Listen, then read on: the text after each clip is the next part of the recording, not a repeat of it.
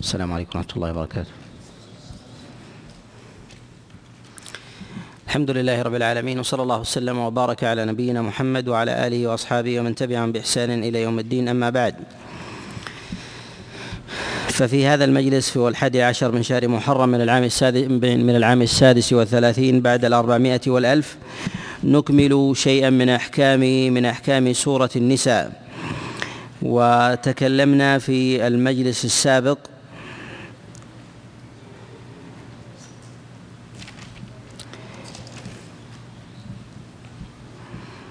على مقاتلة المشركين على مقاتلة المشركين وكذلك أيضا في حال النبي صلى الله عليه وسلم مع المنافقين.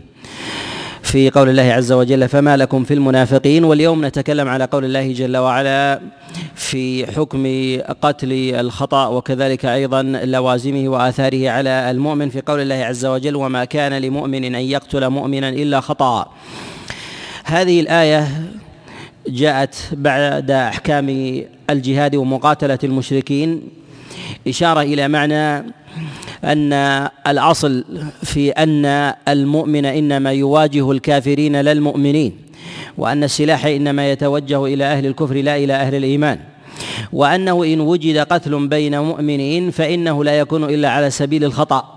ولهذا في قوله جل وعلا ما كان لمؤمن أن يقتل مؤمنا إلا خطأ يعني لا يكون منه ذلك. ولو حصل منه القتل فإنه لا يكون إلا على سبيل على سبيل الخطأ لا على سبيل لا سبيل على سبيل التعمد. وقول الله جل وعلا ما كان لمؤمن أن يقتل مؤمنا إلا خطأ يعني ما ينبغي له ما ينبغي منه ذلك ولو كان فإنه فإنه على سبيل على سبيل الخطأ. وفي هذا تعظيم لجريمة لجريمة القتل. وأن الله سبحانه وتعالى قرنها مع الإشراك مع الإشراك به. ولهذا يقول الله جل وعلا والذين لا يدعون مع الله إلها آخر ولا يقتلون النفس التي حرم الله إلا بالحق. والنفس التي حرمها الله عز وجل هي النفس المؤمنة. وفي هذه الآية دليل أيضا على أن الأصل في المؤمن العصمة وأن الله عز وجل عصم دمه وأن حل دمه لا يكون إلا إلا بدليل فهو الاستثناء. وأن الأصل في في في دم الكافر الحل وأن حرمته استثناء وتكون بذلك بشروط شرعية. وأما بالنسبة لدم المؤمن فالأصل فيه العصمة. ولهذا خص الله عز وجل هنا في تحريم دم المؤمن في تحريم الدم بالمؤمن ما كان لمؤمن أن يقتل مؤمنا إلا خطأ. ولو كان الأصل في المؤمن والكافر واحد ويستوي الأصلان في ذلك. ما كان لتقييد الحكم بالمؤمن في الآية معنى وإلا لوجب الإطلاق.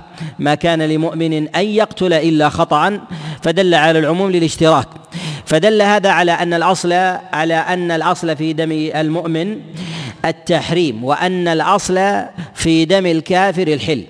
فلما كان الأصل في دم المؤمن التحريم فحله بذلك بشروط. ويؤيد هذا ما جاء في صحيحين من حديث عبد الله بن مسعود إن رسول الله صلى الله عليه وسلم قال لا يحل دم امرئ مسلم إلا بإحدى بإحدى ثلاث النفس بالنفس النفس بالنفس والثيب الزاني والتارك لدينها المفارق للجماعة. وهذه التقييدات التي قيدت دليل على أن الأصل الأصل في ذلك التحريم. بخلاف الكافر فالأصل فيه الحلم ويقيد بما دل عليه الدليل. وذلك بمن كان بينه وبين أهل الإيمان ميثاق وهو العهد والأمان. وما كان أيضا بينه وبين وبين أهل الإسلام سلم أو كان من الرسل أو غير ذلك مما يكون من أمور الأمان. ويأتي الإشارة إليها بإذن الله تعالى في مواضعها في مواضعها من سورة الأنفال. وكذلك أيضا في سوره في سورة التوبة يأتي معنا الإشارة إلى شيء إلى شيء منها. و الدية في ذلك عامة وقد جاءت هنا على سبيل الإطلاق على سبيل الإطلاق وذلك في المؤمن في المؤمن والكافر. والكافر المراد به هنا هو الكافر ليس ليس الحرب وإنما المعاهد ويأتي الإشارة إلى إلى شيء من هذا. وفي قول الله سبحانه وتعالى ومن قتل مؤمنا خطأ فتحرير رقبة. ذكر الله سبحانه وتعالى للخطأ مرتين لما ذكر الله عز وجل في بداية الآية ما كان لمؤمن أن يقتل مؤمنا إلا خطأ ثم ذكر الخطأ بعد ذلك إشارة وتأكيد على أنه لا يليق ولا ولا يصح أن يقع من المؤمن القتل لمؤمن إلا على سبيل الخطأ لا على سبيل لا على سبيل العمد وكذلك أيضا التفريق بين المسألتين بين مسألة دية الخطأ وبين وبين دية العمد. والعلماء عليهم رحمة الله تعالى لا يختلفون في أن الدية في الخطأ ويختلفون في دية العمد. هل من قتل مؤمنا متعمدا تجب عليه الدية أم لا؟ هذا موضع خلاف عند العلماء. وأما بالنسبة لدية الخطأ فالعلماء يتفقون على أن قتل الخطأ فيه دية فيه دية وذلك بحسب الأحوال بحسب الأحوال والتفريق بين قتل الخطأ وبين قتل شبه العمد وذلك للاشتراك في الدية من جهة من جهة مقدارها. وذلك أن الله جل وعلا قد جعل الدية على الحالين جعل الدية على الحالين. وأما التغليظ والتخفيف فثبت ذلك عن رسول الله صلى الله عليه وسلم كما جاء في حديث عبد الله بن عمر وعبد الله بن عمر في التفريق بين بين الدية المخففة والمغلظة. ويتفقون على أن دية العمد ودية على أن دية الخطأ ودية شبه شبه العمد أنها مئة من الإبل ولا خلاف عندهم في ذلك. ولكن في تغليظها. والمراد بالتغليظ أنها تكون من من طيب الأوصاف من من الإبل. وأما في التخفيف أن يؤخذ من كل أن يؤخذ من هذه المئة كل عشرين من وصف من الأوصاف من أوصاف من أوصاف الإبل على خلاف عند العلماء بين تخميس وتربيع بين تخميس وتربيع يعني يؤخذ من ذلك الخمس ثم خمس ثم خمس ثم ثم خمس من أجناس من أجناس الإبل أو يكون ذلك على الربع ربع وربع و وربع. والتغليظ في ذلك بحسب أن يؤخذ يؤخذ على التثليث من من أعلى من أعلى أوصافها. ولما ذكر الله عز وجل الخطأ في ذلك في مواضع في هذه الآية.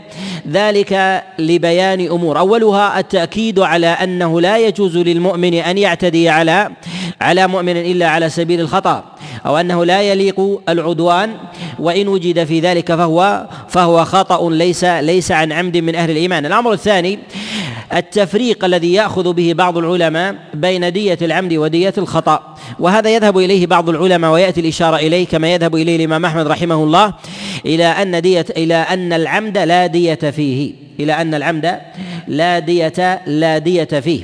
وذلك أنه أنه قصاص.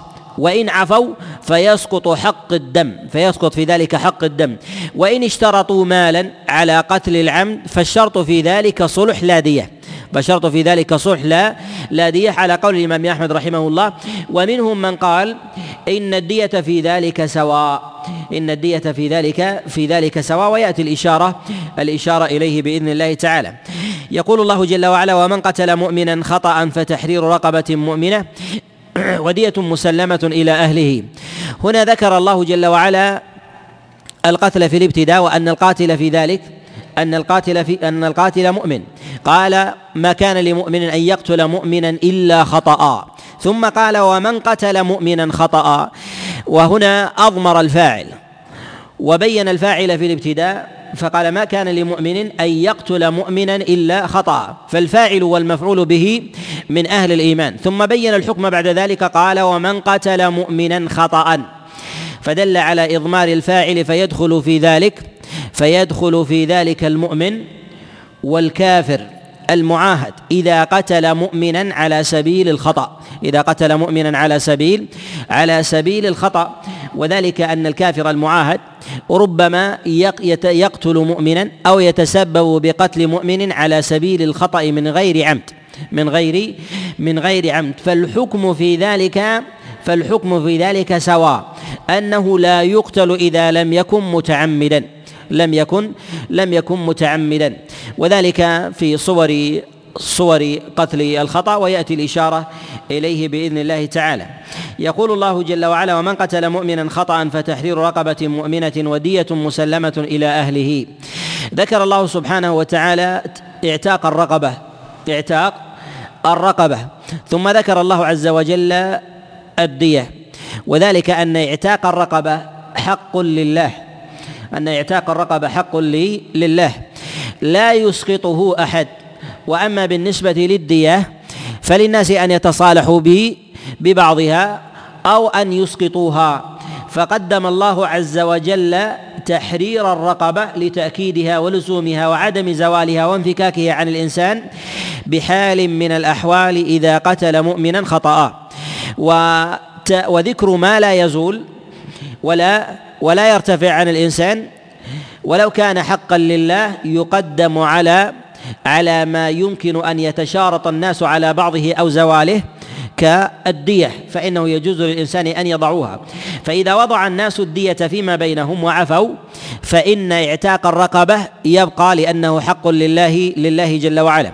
وذكر الله سبحانه وتعالى هنا في تحرير الرقبة قال فتحرير رقبة مؤمنة ذكر الله عز وجل الإيمان في تحرير الرقبة. ولا خلاف عند العلماء في أن عتق الرقبة الكافرة أنه لا يجزئ في كفارة في كفارة القتل في كفارة القتل. وذلك للنص الصريح في ذلك. وإنما يختلفون في فيما ذكر فيه على سبيل الإطلاق من تحرير الرقبة. هل يقاس على دية القتل أم لا؟ ويأتي ذلك في مواضعه بإذن الله تعالى. فتحرير الرقبة يجب أن تكون أن تكون مؤمنة. وأيضا أن يصح منها أن يصح منها الإيمان لو ولدت على الإيمان. فالكفارة هنا على نوعين. أول أولها اعتاق رقبة وهو تحريرها. والثاني الدية مسلمة إلى إلى أهله يعني أهل الميت. الأولى وهي تحرير الرقبة. يجب أن تكون مؤمنة. وهذا فيه بيان لأمرين. الأمر الأول أنه لا بد أن يتحقق وصف الإسلام أن يتحقق وصف الإسلام. فمن صح إسلامه من الموالي فإنه يعتق. من صح صح إسلامه فإنه يعتق. واختلفوا في ذلك. قد جاء عن عبد الله بن عباس عليه رضوان الله كما روى أبي حاتم وكذلك أيضا من جرير الطبري من حديث علي بن أبي طلحة عن عبد الله بن عباس أنه قال في قول الله جل وعلا فتحرير رقبة مؤمنة. قال من قصد الإيمان وصام وصلى. يعني من عرف الإيمان وقصده وكان من أهل الصلاة والصيام. وروي هذا عن جماعة من العلماء كعمر بن شرحيل الشعبي وكذلك مجاهد بن جبر وغيرهم قالوا من صلى يعني هو المقصود بالإيمان ومن لم يصلي لم يكن من أهل من أهل الإيمان. ويطلق الإيمان على من عرف الإسلام حقيقة. والمعنى الثاني المراد بهذه الآية أنه من أدرك حقيقة الإيمان لا من ولد عليه. لا من ولد عليه. لأن الرقيق قد يكون طفلا صغيرا قد يكون طفلا صغيرا. والطفل الصغير يطلق عليه وصف الإسلام إذا كان إذا كان أبوه مؤمنا إذا كان أبوه مؤمنا. ولكن إذا كان أبوه كافرا لا يطلق عليه لا يطلق عليه الإيمان لا يطلق عليه الإيمان حتى يقصده بذاته. حتى يقصده بذاته. وعلى هذا نقول إن من كان من أب مؤمن إن من كان من أب أو أم أو أم مؤمنة وهو صغير لا يصح منه قصد الإيمان لا يصح منه قصد الإيمان. فلو كان من كافر أيضا من باب أولى. ولو كان صغيرا من من كافر من أب كافر وأم كافرة فإنه من باب أولى لا يصح منه قصد قصد الإيمان. وقد أشار إلى هذا جماعة من السلف كعبد الله بن عباس وغيره أن الرقبة الصغيرة التي لا يعرف ولا يفهم منها قصد الإيمان أنها لا تعتق. لأن الله عز وجل قيد ذلك بالإيمان. وإذا لم يكن ذلك من ذرية المؤمنين فإنه أيضا من ذرية الكافرين من ذرية الكافرين من باب من باب أولى. ثم جاء عن رسول الله صلى الله عليه وسلم في ذلك بيان حقيقة معنى قصد الإيمان. وما هو الحد الذي يعرف به الصبي أو يدرك به الصغير أنه أراد الإسلام أو لم أو لم يريده؟ هو أن يعرف حقيقة ومعنى الشهادتين. أن يعرف حقيقة الشهادتين ومعناهما وذلك بحق الله عز وجل بالعبادة. وأيضا وأن يفهم من لوازمها ومعانيها من لوازمها ومن معانيها بالحساب على العمل بالحساب على العمل بالثواب والعقاب. وقد جاء في مسند الإمام أحمد بإسناد صحيح من حديث الزهري عن عبد الله بن عبد الله عن رجل من أصحاب رسول الله صلى الله عليه وسلم أنه جاء إلى النبي عليه الصلاة والسلام فقال وجبت علي رقبة. وجبت علي رقبة وهذه أمة سوداء أعتقها؟ فقال لها رسول الله صلى الله عليه وسلم أتشهدين أن لا إله إلا الله وأني رسول الله وتؤمنين بالبعث بعد الموت؟ قال نعم. قال النبي صلى الله عليه وسلم أعتقها فإنها مؤمنة. وكذلك أيضا ما جاء في حديث معاوية بن الحكم وفي صحيح الإمام مسلم. في قول النبي صلى الله عليه وسلم لجاريته قال أين الله؟ قالت في السماء. قال فأعتقها فإنها فإنها مؤمنة.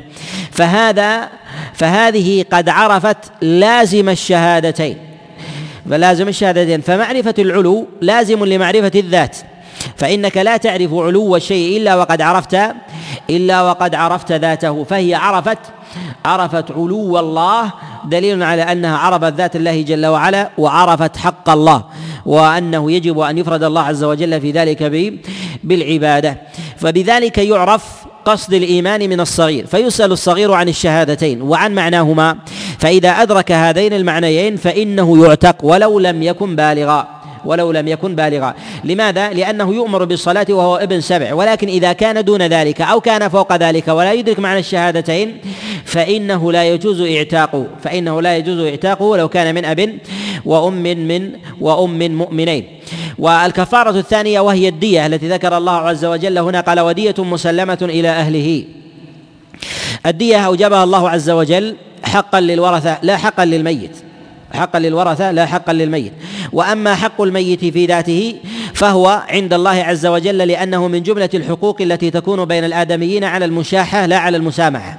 ولهذا نقول إن إن في حق أو في أمر في أمر الميت المقتول ثمة ثمة ثمة حقان. الحق الأول هو حق الله وذلك في تحرير الرقبة وأيضا في الاعتداء على مخلوق شرفه الله وكرمه فحرم حينئذ التعدي التعدي عليه. ويظهر هذا أيضا أن في القتل حق لله أن حق الله أيضا يتعدى إلى الكافر المعاهد. كما جاء في البخاري عن النبي صلى الله عليه وسلم قال من قتل معاهدا لم يرح رائحة الجنة وهذا حق لله لا له. هذا حق لله لا لا له. ومعنى ذلك أنه حق لله جل وعلا حق لله حرمه الله سبحانه وتعالى يأثم به الإنسان ولا يكون في ذلك قصاص يوم القيامة ولا يكون في ذلك قصاص يوم القيامة. فإذا كان هذا في كافر معاهد فإنه كذلك أيضا في المؤمن في المؤمن من باب أولى. والحق الثاني يكون حق لي للآدميين وحق الآدميين على نوعين حق للميت بنفسه وحق لأهله. وأما حق الميت بنفسه فهذا الذي يذكر العلماء في ذلك أنه لا كفارة ولا توبة ولا توبة فيه. ولا توبة فيه إذا كان الإنسان متعمدا.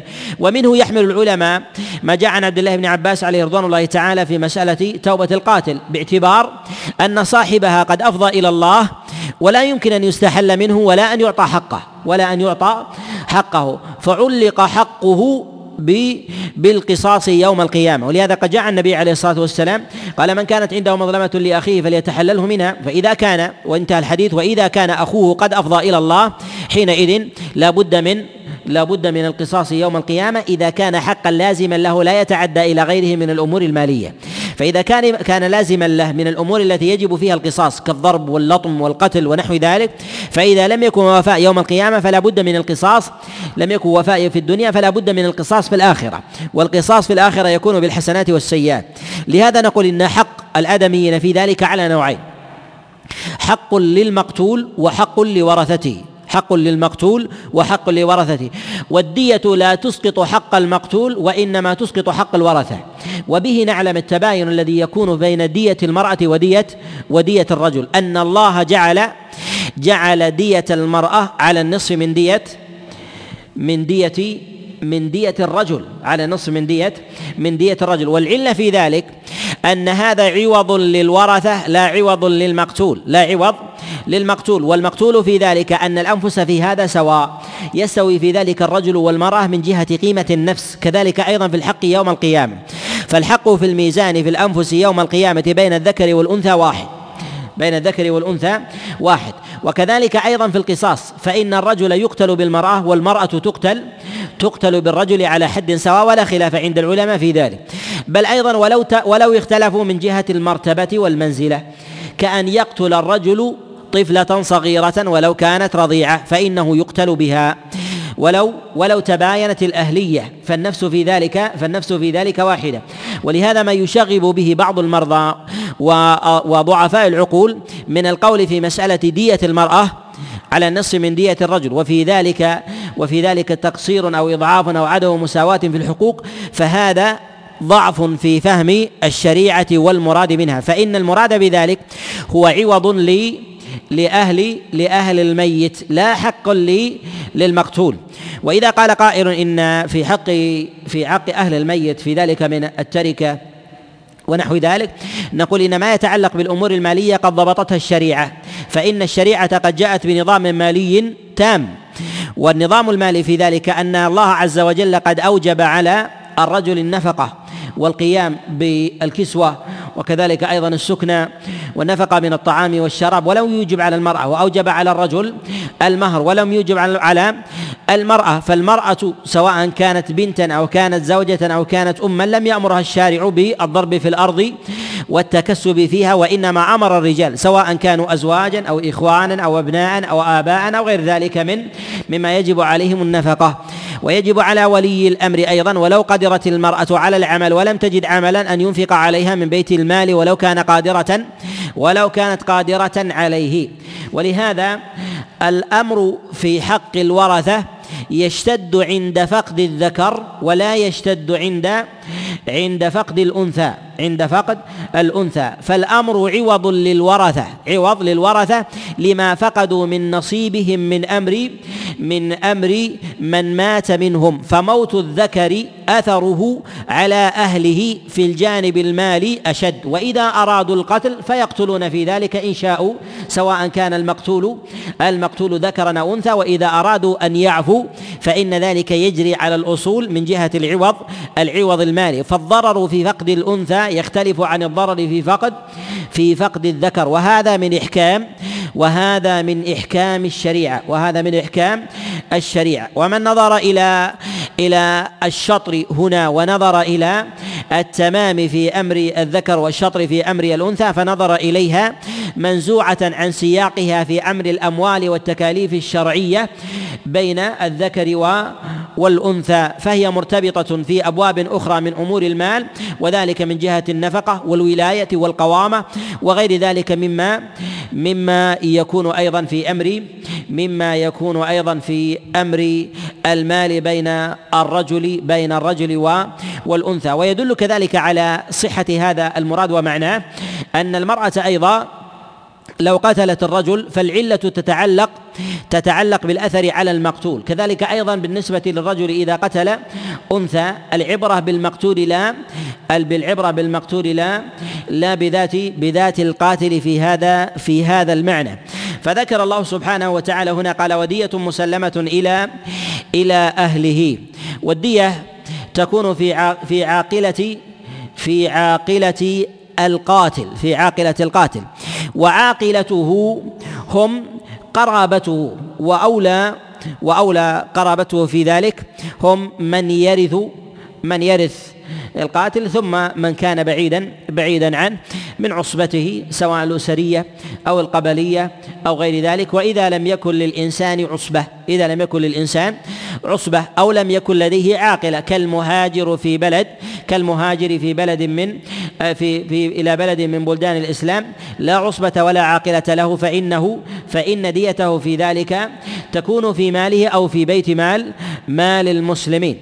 والدليل على أن الدية في العاقلة ما جاء عن رسول الله صلى الله عليه وسلم في الصحيحين من حديث أبي هريرة قال اقتتلت امرأتان فضربت إحداهما الأخرى بحجر على بطنها فمات جنينها فقضى رسول الله صلى الله عليه وسلم بدية الجنين غرة عبد أو أمة والدية على عاقلتها والدية على على عاقلتها. وهذا الحديث فيه جملة من المعاني منها أن الدية على العاقلة. وفيه أيضا دليل على قتل شبه العمد على القتل شبه العمد والقتل في الشرع على أنواع ثلاثة على أنواع أنواع ثلاثة. النوع الأول هو قتل الخطأ هو قتل الخطأ. وقتل الخطأ ما انتفى فيه القصد ما انتفى فيه فيه القصد. ولو استعمل في ذلك سلاح قاتل ولو استعمل في ذلك سلاح قاتل فإنه قتل قتل خطأ. وذلك كرمي المجاهد إلى عدو فأصاب مسلما فأصاب مسلما. أو رمي صائد الصيد على صيد فقتل مسلما بصيده أو من رمى حجارة آه، يريد صيدا أو دابة. أو يريد أن يتقوى برمي سهم ونبال فأصاب مسلما فهذا انتفى القصد ولو كان السلاح في ذلك السلاح في ذلك قاتلا. فهذا قتل خطأ وهو المقصود في هذه الآية وهو المقصود في هذا في هذا في هذه الآية. النوع الثاني هو قتل العمد هو قتل العمد وهو ما توفر فيه القصد ما توفر فيه القصد يعني قصد القتل لا قصد العداوة. لا لا قصد العداوة فلا بد من التفريق بين الأمرين التفريق بين الأمرين. وذلك أن قصد القتل أن قصد القتل أن من أراد قتل أحد بعينه ولو كان بغير سلاح فإنه يقتل يقتل به. هل يتصور هذا؟ نعم. بالسم السم قاتل. نعم. نعم. بغير سلاح. ها؟ نعم. نعم. لا أنا أريد أن أبين أن القصد إذا تمحض القصد ولو كان بغير سلاح ولا ولا مس. نعم. يعني مثلا إذا كان الرجل مثلا مريض بالسكر وتعلم أنه مريض بالسكر وأنك إذا أطعمته حلوى تعلم أنت يقينا أنه يموت. فأخذت تطعمه وتسقيه من الحلوى حتى يموت. وتعلم أنت يقينا هذا أن الطعام لو قدمته له مات به. وثبت القصد وثبت القصد. مع أنك أطعمته طعاما طيبا العلة فيه. وتعلم وجود العلة وأن هذا الطعام يميته. هل هذا قتل عمد؟ أم ليس بعمد؟ قتل عمد.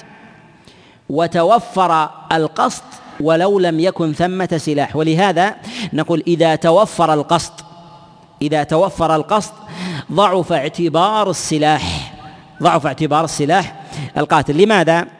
لأن اعتبار السلاح في ذلك قرينة تقوي القصد تقوي القصد لا توجده. وذلك أن الإنسان مثلا إذا رمى بسام أو برصاص أو نحو ذلك هذا سلاح قاتل هذا سلاح قاتل لكنها لا تدل على القصد. والعداوة في ذلك إذا وجدت كانت قرينة على على القصد. ولهذا لا بد من التفريق بين القصد وبين وبين العداوة. العداوة في ذاتها لا تدل على القصد. الناس ما زالوا يتعادون ويسب بعضهم بعضا ويشتم بعضهم بعضا ويلعن بعضهم بعضا في خصومات ويعتدي ويبغون ويلطم بعضهم بعضا ويضرب بعضهم بعضا ونحو ذلك. هذه عداوة. لكن هل يلزم منها القصد؟ ما يلزم منها القصد لا يلزم منها القصد. ولكن إذا وجد مع العداوة سلاحا قاتلا أصبح السلاح القاتل في مقام القصد في مقام القصد فأصبح حينئذ قويا. ولهذا نقول إن القصد إذا وجد وهو قصد القتل فإنه لا ينظر إلى اعتبار السلاح وإنما ينظر إلى إلى السبب الذي باشره السبب الذي الذي باشره. أيضا إذا وجد في ذلك أيضا السلاح إذا وجد في ذلك السلاح. ولكن هذا السلاح ليس بقاتل عادة ليس بقاتل عادة. ووجدت العداوة وجدت العداوة. هل يعتبر قتل عمد؟ شبه العمد وهو النوع الثالث. النوع الثالث شبه العمد وهو وجود العداوة وجود العداوة والسلاح غير القاتل. والسلاح غير القاتل كالرمي بحصى الخذف أو العصا الذي لا يقتل عادة. فهذا شبه العمد.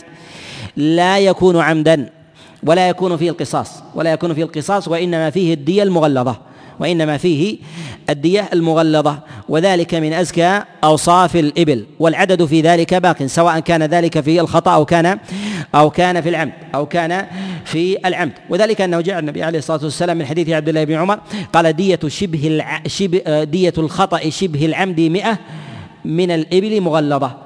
مئة من الإبل مغلظة. وهذا جاء من حديث عبد الله بن عمر وجاء أيضا من حديث عبد الله بن عمر وروي أيضا من حديث عبد الله بن عباس عليه عليه رضوان الله. فنقول حينئذ إن شبه العمد أن يكون ثمة عداوة بينهما وسلاح لا يقتل مثله.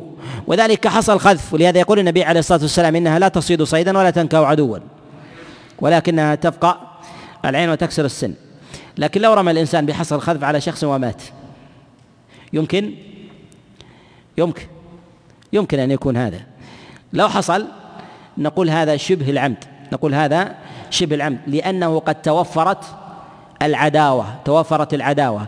وإذا انتفت العداوة والقصد ولم يبقى لها أثر تحول حينئذ ولو عظم السلاح إلى أنه قتل خطأ لا قتل عمد. ولو قتل بسيف أو قتل برصاص أو قتل بسهم لا اعتبار لي. ولهذا نقول إن هذين الأمرين وهو القصد الثاني السلاح هما أقوى القرائن في معرفة القرائن والأدلة في معرفة وتمييز أنواع أنواع القتل. والقصد أعظم. والقتل والقتل وقصد القتل أعظم أعظم من من السلع لأنه قد يقتل بغير بغير السلع على ما تقدم بإطعام الطعام الذي يقتل به.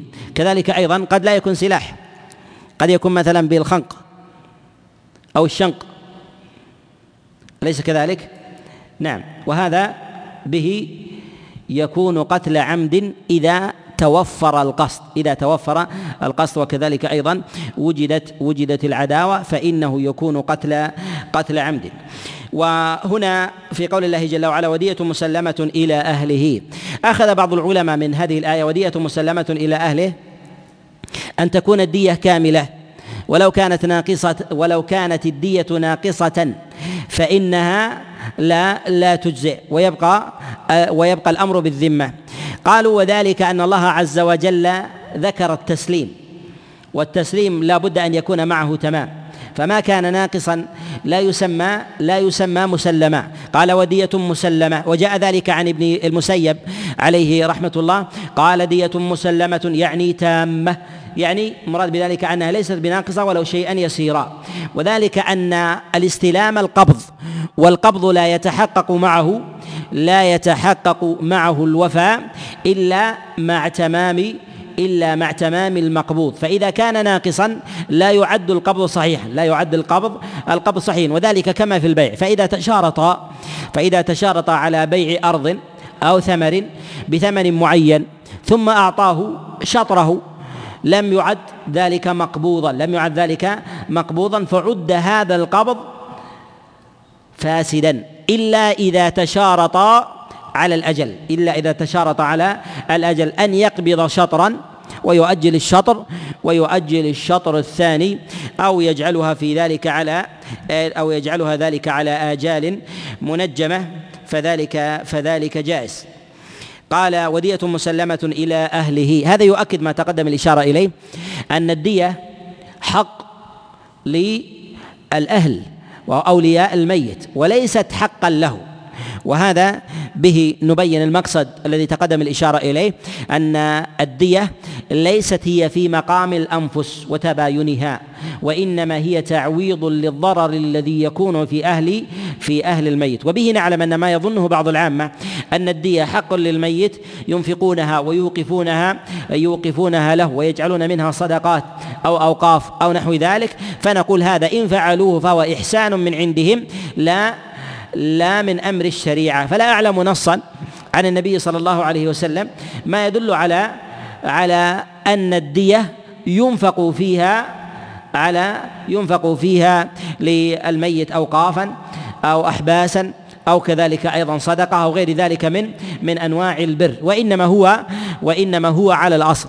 إذا مات ابن آدم انقطع عمله إلا من ثلاث فإن أوقفوا فيكون ذلك في غيرهم فهو حق لهم لا لا الميت وأما حق الميت عند الله فهذا الذي يأتي الكلام عليه بإذن الله تعالى وما يتعلق بحق بحق الآدميين وإنما تكلم العلماء عليهم رحمة الله تعالى في هذا المعنى وعدم توبة القاتل. وعدم توبة آه، القاتل هو لهذا المعنى ويأتي الإشارة إليه بإذن الله تعالى في الآية التالية. ثم ذكر الله سبحانه وتعالى العفو قال إلا أن يصدقوا يعني أهل الميت ودية مسلمة إلى أهله إلا أن يصدقوا يعني أهل الميت أن يصدقوا بدية ميتهم وهذا يؤكد ما تقدم الإشارة إليه لأنه لو كان ملكا للميت ما جاز لهم أن يتصدقوا أن يتصدقوا بالمال. فلأصبح حقا له لأصبح حقا له ينفق ينفق في أعمال البر. فلهم في ذلك المسامحة. فلهم في ذلك المسامحة. وكذلك أيضا إنما ذكر هنا الصدقة وما ذكر العفو وما ذكر العفو. قال إلا أن يصدقوا إلا أن يصدقوا. في هذا يظهر لي معنى في هذا يظهر لي معنى فيه أن أن الله سبحانه وتعالى ذكر الصدقة وما ذكر العفو. إشارة إلى أنه في بعض المواضع الأولى عدم المسامحة. وذلك تشديدا وتغليظا. وفي بعض المواضع يتشوف إلى الصدقة كما ذكر هنا قال إلا أن يصدق ومعنى هذا أنه من ظهر منه تمحض الخطأ من ظهر منه تمحض الخطأ. وهذه الآية على ما تقدم هي داخلة في قتل الخطأ وفي قتل شبه داخلة في قتل الخطأ وقتل شبه العمد. أنه إذا كان تمحض في القاتل الخطأ. الخطأ المحض فإن الشريعة تتشوف إلى الصدقة. الصدقة عليه. كذلك أيضا يدخل في هذا من عجز عن دفع الدية لإفلاسه. من عجز عن دفع الدية لإفلاسه. كالرجل الذي لا عاقلة له.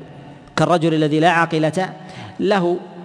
وكذلك أيضا فالرجل الفقير المعدم الذي لا يجد دية إما أن يحبس ويتضرر أهله من بعده أو يتكفف الناس ويسألهم ويطول أمره في ذلك فالشريعة تتشوف تتشوف عليه. ولهذا عبر بالصدقة. قال إلا أن يصدق فيكون بذلك في حكم الصدقة الصدقة عليه الصدقة عليه. وكأنهم قد استحقوا المال ثم أرجعوه إليه ثم أرجعوه إليه صدقة من عندهم. فكان في حكم الصدقة ولو لم يقبضوه ولو لم يقبضوه. الأمر الأمر الثاني والحالة الثانية إذا ظهر من الإنسان القصد إذا ظهر من الإنسان القصد ولكن لم تقم البينة عليه لم تقم البينة عليه. أو ظهر منه عدم القصد ولكن ظهر منه عدم المبالاة عدم المبالاة. فالناس ربما يقعون في الخطأ يقعون في الخطأ لكن منهم من هو شديد الاحتراز. أو وقع في خطأ لا يمكن أن يحترز يحترز منه فقتل نفسا. ومنهم من وقع في خطأ يمكن أن يحترز منه لو أراد أن يحترز. فمثل هذا ربما تتشوف الشريعة إلى تأديبه. تتشوف الشريعة إلى إلى تأديبه. ولهذا نقول إن باب العفو عن الدية باب العفو عن الدية إنه على أحوال.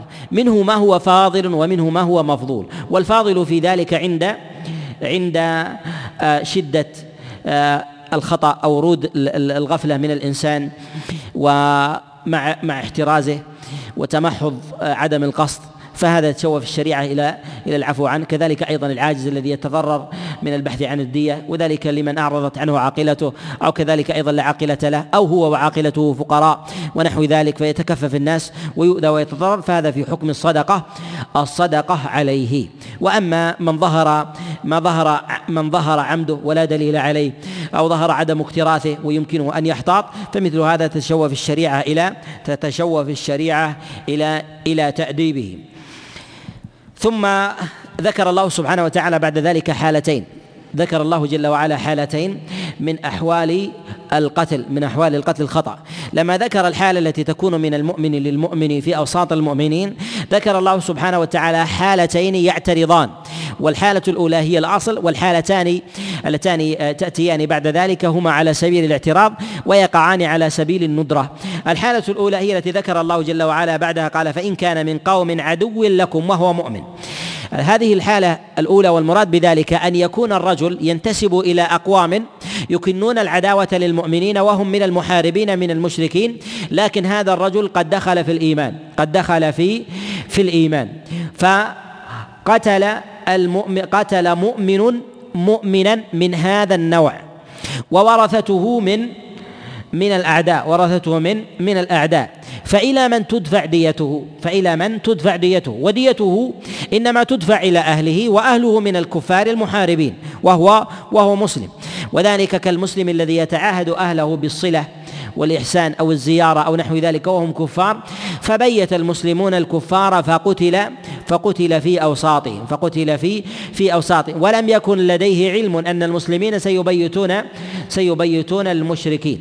فهنا له له في ذلك من جهة حكم الحال إما تحرير رقبة والدية. ذكر الله سبحانه وتعالى تحرير الرقبة. قال فتحرير رقبة مؤمنة يعني أن الدية لا تدفع إلى إلى الكفار المحاربين لأنه لا يرث إلا إلا كافر محارب لا يرث إلا كافر كافر محارب. فحينئذ نقول إن من كان مؤمنا نقول إن من كان من كان مؤمنا وقومه كفار محاربون وهم ورثته فلا تدفع ديته إلى ورثته المحاربين. وأولى من ذلك الكافر المعاهد. الكافر المعاهد له دية. فقتل مسلم فقتل المسلم كافرا معاهدا وأهله محاربون وأهله محاربون. فحينئذ يقال فتحرير رقبة مؤمنة لأن ذلك من حق الله. وأما الدية فهي حق للورثة ولا حق للمحاربين ولا حق للمحاربين. حينئذ لا تدفع إليهم.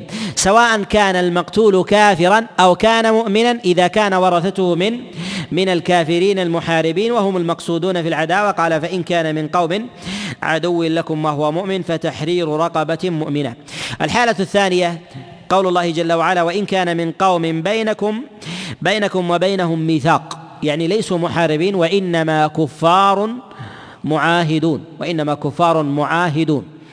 فذكر الله عز وجل الحكم في ذلك بتحرير رقبة ودية مسلمة أيضا إلى إلى أهله ودية مسلمة إلى إلى أهله. فيقال حينئذ أن أنه يحرر في ذلك تحرر في ذلك الرقبة وكذلك أيضا في في أمر في أمر الدية تدفع إلى إلى أهله ولو كانوا كفارا ولو كانوا ولو كانوا كفارا. والحالة في ذلك أيضا على على صورتين.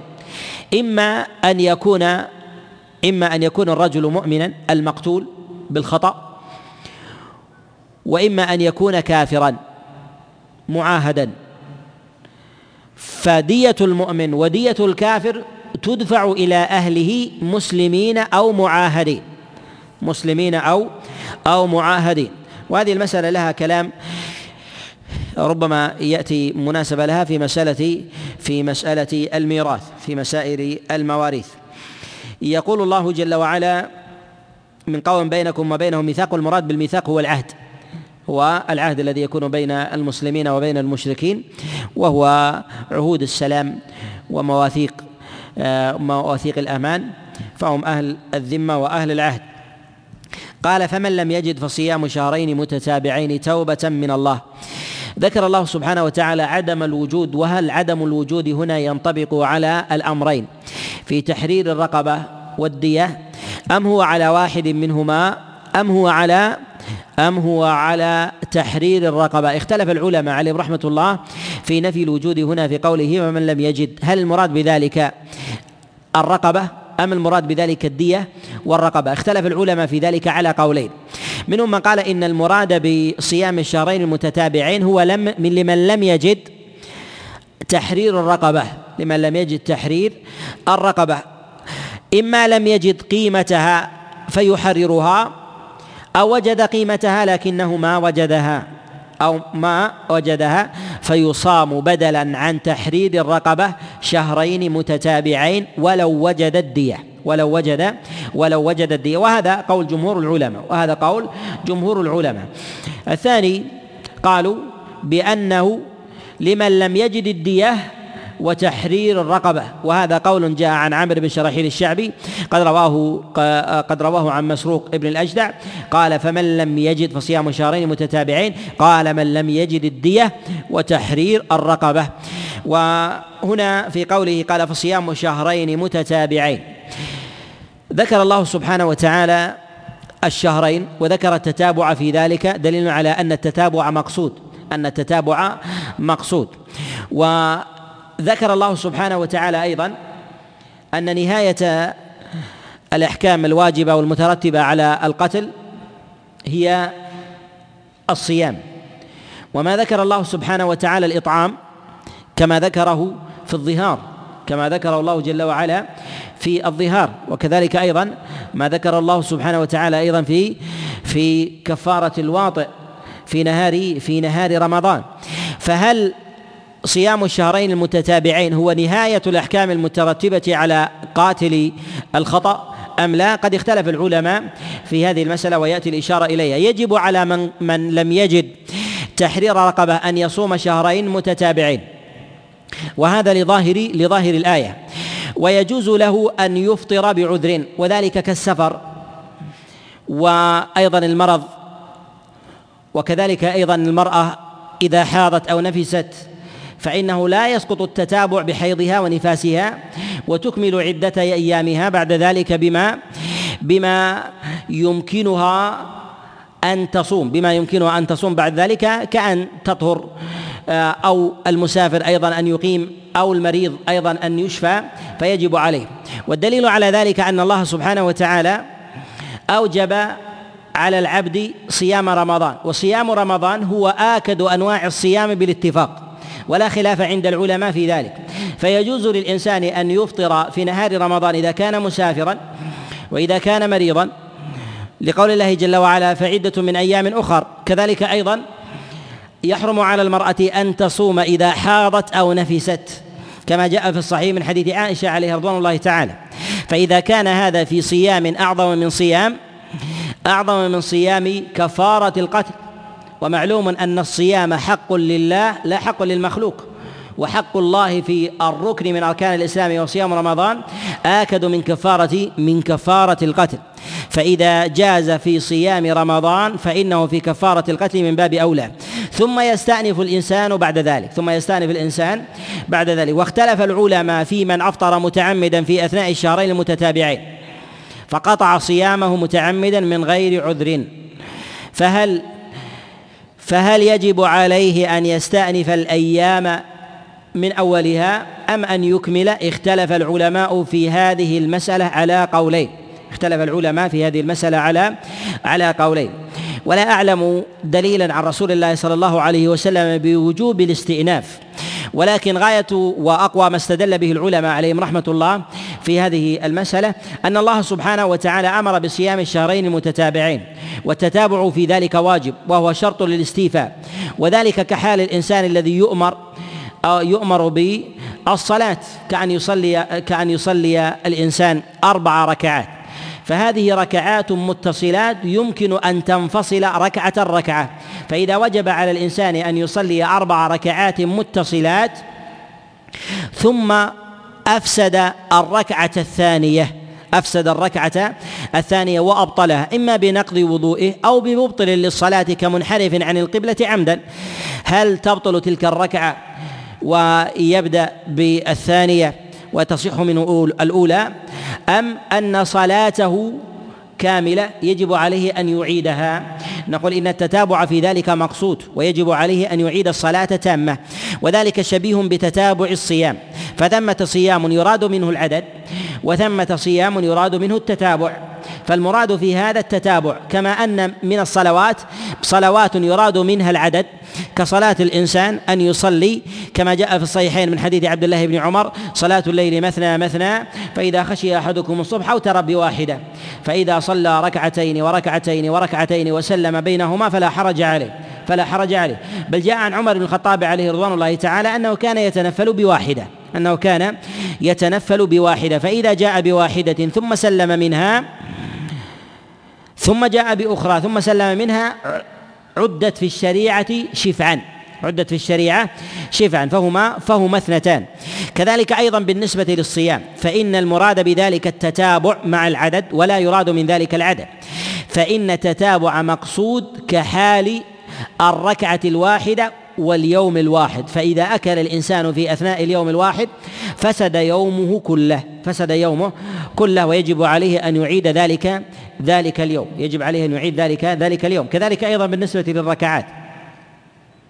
كذلك أيضا بالنسبة بالنسبة للركعات. إذا أفسد الإنسان الركعة يجب عليه أن يعيدها يجب عليه أن يعيدها وإذا أفسد الركعة الثانية واتصلت بالأولى يجب عليه أن يعيد الجميع كالذي يفسد الثلاث الثالثة أو الرابعة.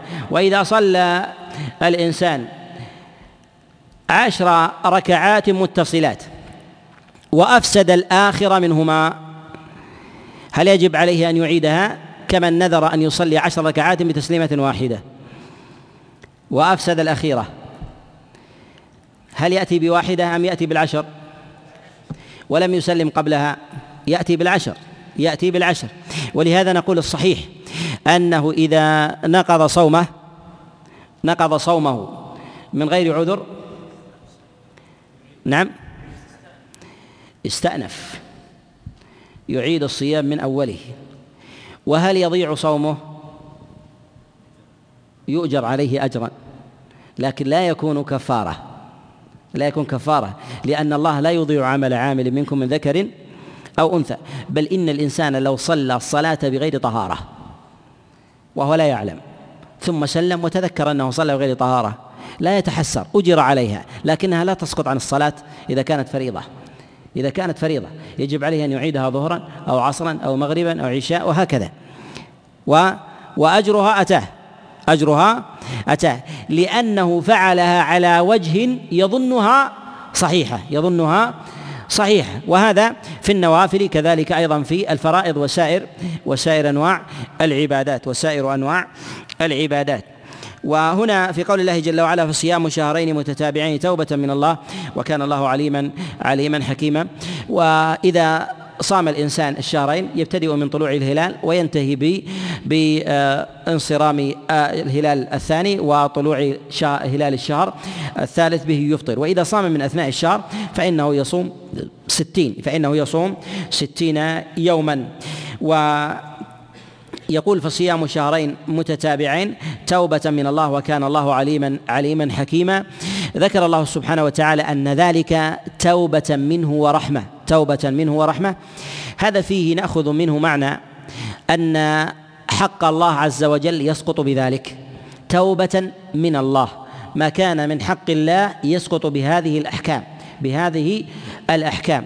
ثم ذكر الله سبحانه وتعالى بعد ذلك الحكم المتعلق بحق الآدمي. ثم ذكر الله عز وجل ما يتعلق بالحكم الحق الآدمي بعد ذلك. وهنا مسألة في مسألة من عجز عن الصيام. من عجز عن الصيام أو مات قبل أن يصوم مات قبل قبل أن يصوم. من عجز عن الصيام لمرض دائم فهل يسقط الصيام أم يجب عليه في ذلك الإطعام؟ مع أن الإطعام لم يذكر هنا. اختلف العلماء في هذه المسألة على قولين. منهم من قال إنه يجب عليه الإطعام قياسا على كفارة الظهار وكفارة المجامع في نهار رمضان وذلك أن العلة في ذلك واحدة وهي التغليظ. وهي التغليظ فيطعم عن كل يوم مسكينا. وهذا قد جاء عن مجاهد بن جبر كما روى ابن ابن ابن أبي نجيح عن مجاهد بن جبر أنه يطعم عن كل يوم مسكينا. أنه يطعم عن كل يوم مسكينا لكل آه، مسكين نصف صاع لكل مسكين نصف صاع. ومن قال بالقياس علل عدم ذكر عدم ذكر الإطعام هنا قال أن الشريعة جاءت بهذه الأحكام للتغليظ جاءت الشريعة بهذه الأحكام للتغليظ. وذكر الإطعام يشعر بالتسهيل والتيسير في في كفارة الدم في كفارة الدم. فأضمر هنا ومنهم من قال إنه لا يجب في ذلك الإطعام لا يجب في هذا الإطعام. قالوا وذلك أن تأخير البيان عن وقت الحاجة لا يجوز ولا لما لم يذكر دل على عدم تعلق الحكم بالإطعام وأن آخر الأحكام في ذلك هو صيام الشهرين المتتابعين. ولا أعلم في ذلك نص على النبي صلى الله عليه وسلم يصح في هذه المسألة في مسألة الصيام الشهرين آه، البدل عن الصيام الشهرين المتتابعين بالإطعام وإنما هي آثار يفعلها الإنسان ويفتى بها على سبيل الاحتياط كذلك أيضا على التغليظ في مسألة الدماء. وفي قوله جل وعلا توبة من الله وكان الله عليما حكيما يعني عليما بما يصلح أحوالكم حكيما في وضع الأحكام في مواضعها بما تصلح به أحوالكم وتستقيم به أموركم. وكذلك أيضا ما تدفع به العداوة فيما فيما بينكم فإن للدم حرمة عظيمة ووقع في النفس. ووقع في النفس ولو كان الإنسان مخطئا. ولو كان الإنسان الإنسان مخطئا. فإن الدم يبقى حسرة في نفس الإنسان. حسرة في نفس الإنسان. ومن عوفي فليحمد الله. ومن كان في شك في ذلك فليسأل المخطئين. ولو في ولو في الحوادث. ولو في حوادث السيارات. ويجد الإنسان في ذلك وذلك لعظم النفس المؤمنة وذلك أن الله عز وجل قد كرم بني آدم وعصم النفوس المؤمنة وعظم أثرها وأذكر في ذلك قصة واقعية ذكرها لي آه، أحد الأشخاص يقول أن وهو يعمل في أحد الجهات آه، يقول أنه وقعت حادثة اصطدام سيارة. وقعت حادثة اصطدام سيارة لأحد لأحد العمالة وفر الصادم. وظاهر الحال أن الطريق مطروق وأن المخطئ في ذلك هو هو العامل. يقول ثم قيدت هذه القضية على مجهول وذلك أن القاتل فر أن القاتل فر. يقول وبقيت مقيدة هذه القضية لنحو من ست سنوات. يقول ثم تفاجأنا بشخص يأتي وقال أنني فعلت قضية من عدة سنوات وأني بين خوف ووجل وأني لا أذكر أسبوعا مر علي من غير كوابيس وقلق من تلك النفس. التي أزهقتها وإن كنت على خطأ. يقول فبحثنا وجدنا ما يصادف تلك القضية أنه فعلها ذلك الرجل في ذلك المكان. ويقول تصالح مع أهله على على دية. يقول لما دفع الدية. يقول قابلته وقد جاءنا بعد بعد شهر. قال لم يمر علي شهر في غضون الخمسة وست سنوات. أنام به مرتاحا إلا بعد المصالحة مع أولياء الميت. وهذا يدل على أن النفس عظيمة كما في النص كذلك أيضا في التجربة. وأن الله سبحانه وتعالى ما غلظ شيئا من الأحكام كما غلظ الشرك ثم قتل النفس. بل إن الإشراك بالله عز وجل غيره لو سبق بشيء من الذنوب لسبقه القتل. ولهذا سمي في بعض النصوص أن القتل كفر وسب المسلم كقتله أو لعنه كقتله. هذا إذا كان في اللعن فكيف أيضا في المباشرة بالقتل؟ ويكفي في ذلك أيضا في أمر التغليظ ما ذكره الله سبحانه وتعالى في الآية التالية في قول الله جل وعلا ومن يقتل مؤمنا متعمدا فجزاؤه جهنم خالدا فيها وغضب الله عليه ولعنه واعد له عذابا عظيما. أنا لا أعلم في القرآن تهديد ووعيد لفعل بعد الإشراك كما هو مجتمع في هذه الآية كما هو مجتمع في هذه في هذه الآية. الخلود الأبدي واللعنة والغضب من الله سبحانه وتعالى. وهذا يدل على عظم قتل آه، النفس. وكذلك أيضا في هذه المسائل في هذه الآية التنبيه آه، على جملة من المسائل من هذه المسائل أن هذه الآية محكمة وقد قيل بنسخها وعامة السلف على إحكامها. وقد جاء ذلك عن عبد الله بن عباس كما جاء كما روى البخاري من حديث سعيد بن جبير كما جاء في البخاري من حديث سعيد بن جبير عليه رضوان الله تعالى أنه قال اختلف أهل الكوفة في هذه الآية امنسوخه أم لا؟ قال فذهبت إلى عبد الله بن عباس عليه رضوان الله. يقول فسالته عنها قال هي محكمة وآخر ما نزل على رسول الله صلى الله عليه وسلم ولم ينسخها ولم ينسخها شيء. ولم ينسخها شيء. وهذا جاء أيضا عن غير واحد أيضا من من السلف وعليه وعليه عامتهم أن هذه الآية أن هذه الآية من المحكمات. هذه الآية من المحكمات. واختلف العلماء في القاتل. هل له توبة أم ليس له توبة؟ أعني قاتل العمد. أعني القاتل العمد. وأما الخطأ فتقدم الإشارة إليه فإن الله سبحانه وتعالى عفى عن أمته الخطأ الخطأ والنسيان. وأما ما فات للإنسان من عمره مما تسبب به الإنسان خطأ فالله سبحانه وتعالى فالله سبحانه وتعالى أرحم بعباده ويعوض الله عز وجل عبده بما شاء من إحسانه وإكرامه. وأما ما يتعلق بمن تسبب بقتل مؤمن على سبيل العمد فقد جاء عن عبد الله بن عباس عليه رضوان الله تعالى بإسناد صحيح أنه لا توبة له وقد روي ذلك عن عبد الله بن عباس بأسانيد صحيحة. وخالفه في ذلك بعض تلامذته كمجاهد بن جبر وجمهور السلف وعامة الأئمة على أن له توبة على أنه له توبة. ويجب أن نقول نبين أن ما يتعلق بمسألة الحق الذي يكون بين الذي يكون في مسألة القتل أن الحق في ذلك على على نوعين حق لله سبحانه وتعالى وحق للمخلوق. وما كان من حق الله فتحرير الرقبة وكذلك أيضا ما يتعلق بإزهاق النفس التي كرمها الله سبحانه سبحانه وتعالى. فإن الله جل وعلا يعفو عن المخطئ خطأه ويبقى تحرير الرقبة. وما يتعلق بمسألة حق الله عز وجل في العمد في ذلك. فإن الله سبحانه وتعالى في ذلك يعفوه لمن تاب لمن تاب من ذلك الذنب. والنوع الثاني هو حق للادميين حق للآدميين وهو على نوعين. حق للأهل وهو الدية ولهم أن يتصدقوا بذلك لأنهم ممن يملك أمر أنفسهم وذلك بالصدقة كما في قول الله جل وعلا إلا أن يصدقوا.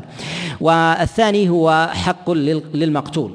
ولما كان حق المقتول من الحقوق التي تكون بين الناس فإن العفو فيها محال وذلك لأنه لأنه قد قضى إلى ربه. فكيف يكون في ذلك العفو؟ ولعل هذا هو المراد في قول عبد الله بن عباس عليه رضوان الله أنه لا توبة له أنه لا توبة له لأنه لا يمكن في ذلك لا يمكن في ذلك الاستيفاء لا يمكن في هذا الاستيفاء وأما إذا قتل الإنسان إذا قتل الإنسان بمن قتل في لمن قتله عمدا هل يكون ذلك توبة له في حق الله وحق العبد؟ في حق الله وحق العبد. نقول ما يتعلق بمسائل الدماء ما يتعلق بمسائل الدماء. نقول إن القصاص في ذلك القصاص في هذا حق لله سبحانه وتعالى. أشرك الله عز وجل أولياء المقتول فيه. ولو كان حقا للمقتول لما جاز لأولياء المقتول أن يعفو عن القصاص. فدل على أن المقتول في ذلك لا حق له في القصاص وحقه وحقه يكون عند الله سبحانه وتعالى يكون عند الله جل وعلا. ولهذا فإن حق الإنسان في ذاته في مسائل الدماء إذا كان حيا فإن الإنسان هو الذي يطلب مثلا بمن, بمن ضربه أو أخذ ماله آه، أو اعتدى على شيء من حقه فإنه يكون في ذلك التحلل يكون في ذلك القصاص. ولكن لما قام به الأولياء لما قام به الأولياء ويملكون أيضا إسقاطه كما يملكون إسقاط المال دل على أنه حق لأهله لا حق للميت. فلو أقيم القصاص في ذلك ما سقط حق الميت ما سقط حق الميت. ولعل هذا هو المراد بما جاء عن عبد الله بن عباس في عدم قبول توبة القاتل في عدم قبول توبة توبة القاتل.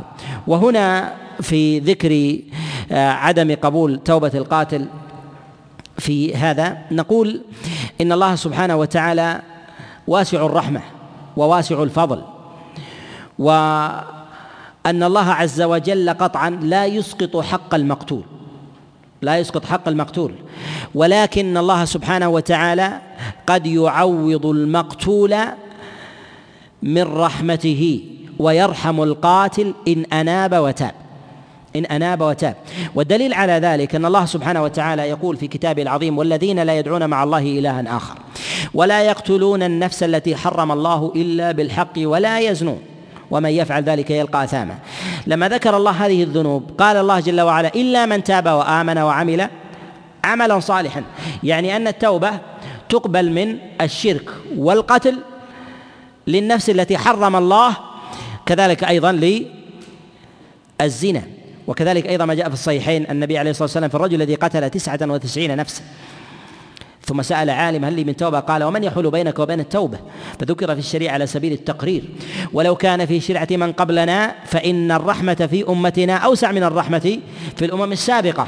فدخولنا في هذا الباب من باب من باب الأولى. فنقول إن الله سبحانه وتعالى لا يسقط حق المقتول فلا بد أن يؤخذ من القاتل أو أن الله يعوض المقتول أعظم مما أخذ منه رحمة بالقاتل إذا تاب وأناب. ولهذا خلاصة الأمر نقول إن القاتل إن القاتل تقبل توبته ولكن التوبة بمقدار الذنب. فإذا عظم الذنب يجب أن تعظم التوبة يجب أن تعظم التوبة. فالقتل ليس كبقية الذنوب يكفي من الإنسان أدنى أدنى إظهار التوبة أو الندم بل يجب عليه أن يظهر أقصاها من التوبة والوجل كثرة الاستغفار والصدقة والإنابة إلى الله سبحانه وتعالى والخشية من سوء العاقبة وغير ذلك من مما يظهر منه تغليظ التوبة كما ظهر في ذلك تغليظ تغليظ الذنب.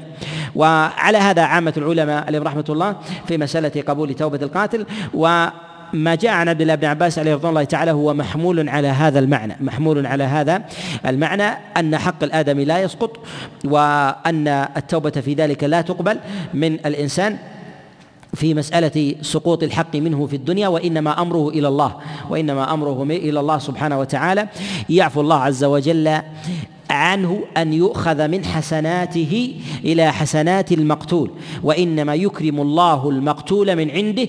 عفوا وصفحا عن عن القاتل. عفوا وصفحا عن عن القاتل. والقتل في ذلك من جهة حق الانسان الحق الذي يكون على الإنسان من الحسنات. هو أوفر وأعظم من كثير آه، من الأموال التي يأخذها الإنسان غصبا أو يعتدي على الناس آه، بأبشارهم أو كذلك أيضا أعراضهم. فإن دم أغلظ من ذلك كله. فربما كان عمل الإنسان وحسناته قليله فاستوفاها بقتله فكان من أهل النار. استوفاها بقتله فتعطى صاحبها وهذا لعله هو المراد بما جاء عن عبد الله بن عباس عليه رضوان الله تعالى. ولهذا قد جاء عن أصحاب عبد الله بن عباس أن القتل أن القتل يعفو الله عز وجل به ولو كان عمدا. وهذا جاء عن مجاهد بن جبر كما رواه سعيد بن جبير كما رواه سعيد بن جبير أنه قال عن عبد الله بن عباس لا توبة له. قال وسألت مجاهد بن جبر عنها فقال تقبل إذا ندم تقبل إذا إذا ندم يعني إذا أظهر التوبة. قال وغضب الله عليه ولعنه وأعد له عذابا عذابا عظيما. ذكر هذا العطف في هذه العقوبة. دليل على تغليظها وتشديد الله سبحانه وتعالى على فاعلها وكذلك أيضا تحذيرا من الوقوع من الوقوع فيها ومن المسائل المتعلقة في ذلك مسألة دية القتل العمد. هل يجب على القاتل العمد دية؟ هل يجب عليه دية؟ وهل يجب عليه كفارة أيضا في تحرير الرقبة أم لا؟ اختلف العلماء في هذه المسألة على قولين. ذهب الإمام الشافعي رحمه الله إلى أن الكفارة واجبة. إلى أن الكفارة واجبة ولو كان الإنسان متعمدا. واطرد الإمام الشافعي رحمه الله في هذه المسألة على أصوله حتى في مسألة اليمين الغموس حتى في مسألة اليمين الغموس فإنه قال فيها فيها كفارة. وذهب الإمام أحمد رحمه الله وجماعة من آه، الفقهاء آه، إلى أن القتل العمد لا دية فيه ولا كفارة بإعتاق رقبة. لا كفارة وذلك لأن ذنبه أعظم عند الله سبحانه وتعالى. فلا يكفره إلا إلا تعظيم التوبة إلا تعظيم آه، التوبة والإكثار من العمل من العمل الصالح.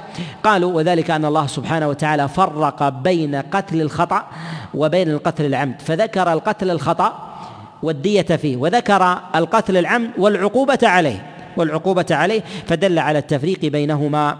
ولما كانت الدية حق للمخلوقين. والله سبحانه وتعالى عدل و عدم بيان ذلك دل على أن الحق في ذلك إنما هو في قتل في قتل الخطأ لا في قتل العمد. وهذا القول وقول وجيه. ويجري على ظاهر ظاهر الآية. أسأل الله سبحانه وتعالى لي ولكم التوفيق والسداد والإعانة. وأسأله جل وعلا أن يجعلنا من أهل التقى و والرشاد. وأسأله سبحانه وتعالى أن ينفعنا بما سمعنا وأن يجعله حجة لنا لا علينا. وصلى الله وسلم وبارك على نبينا محمد.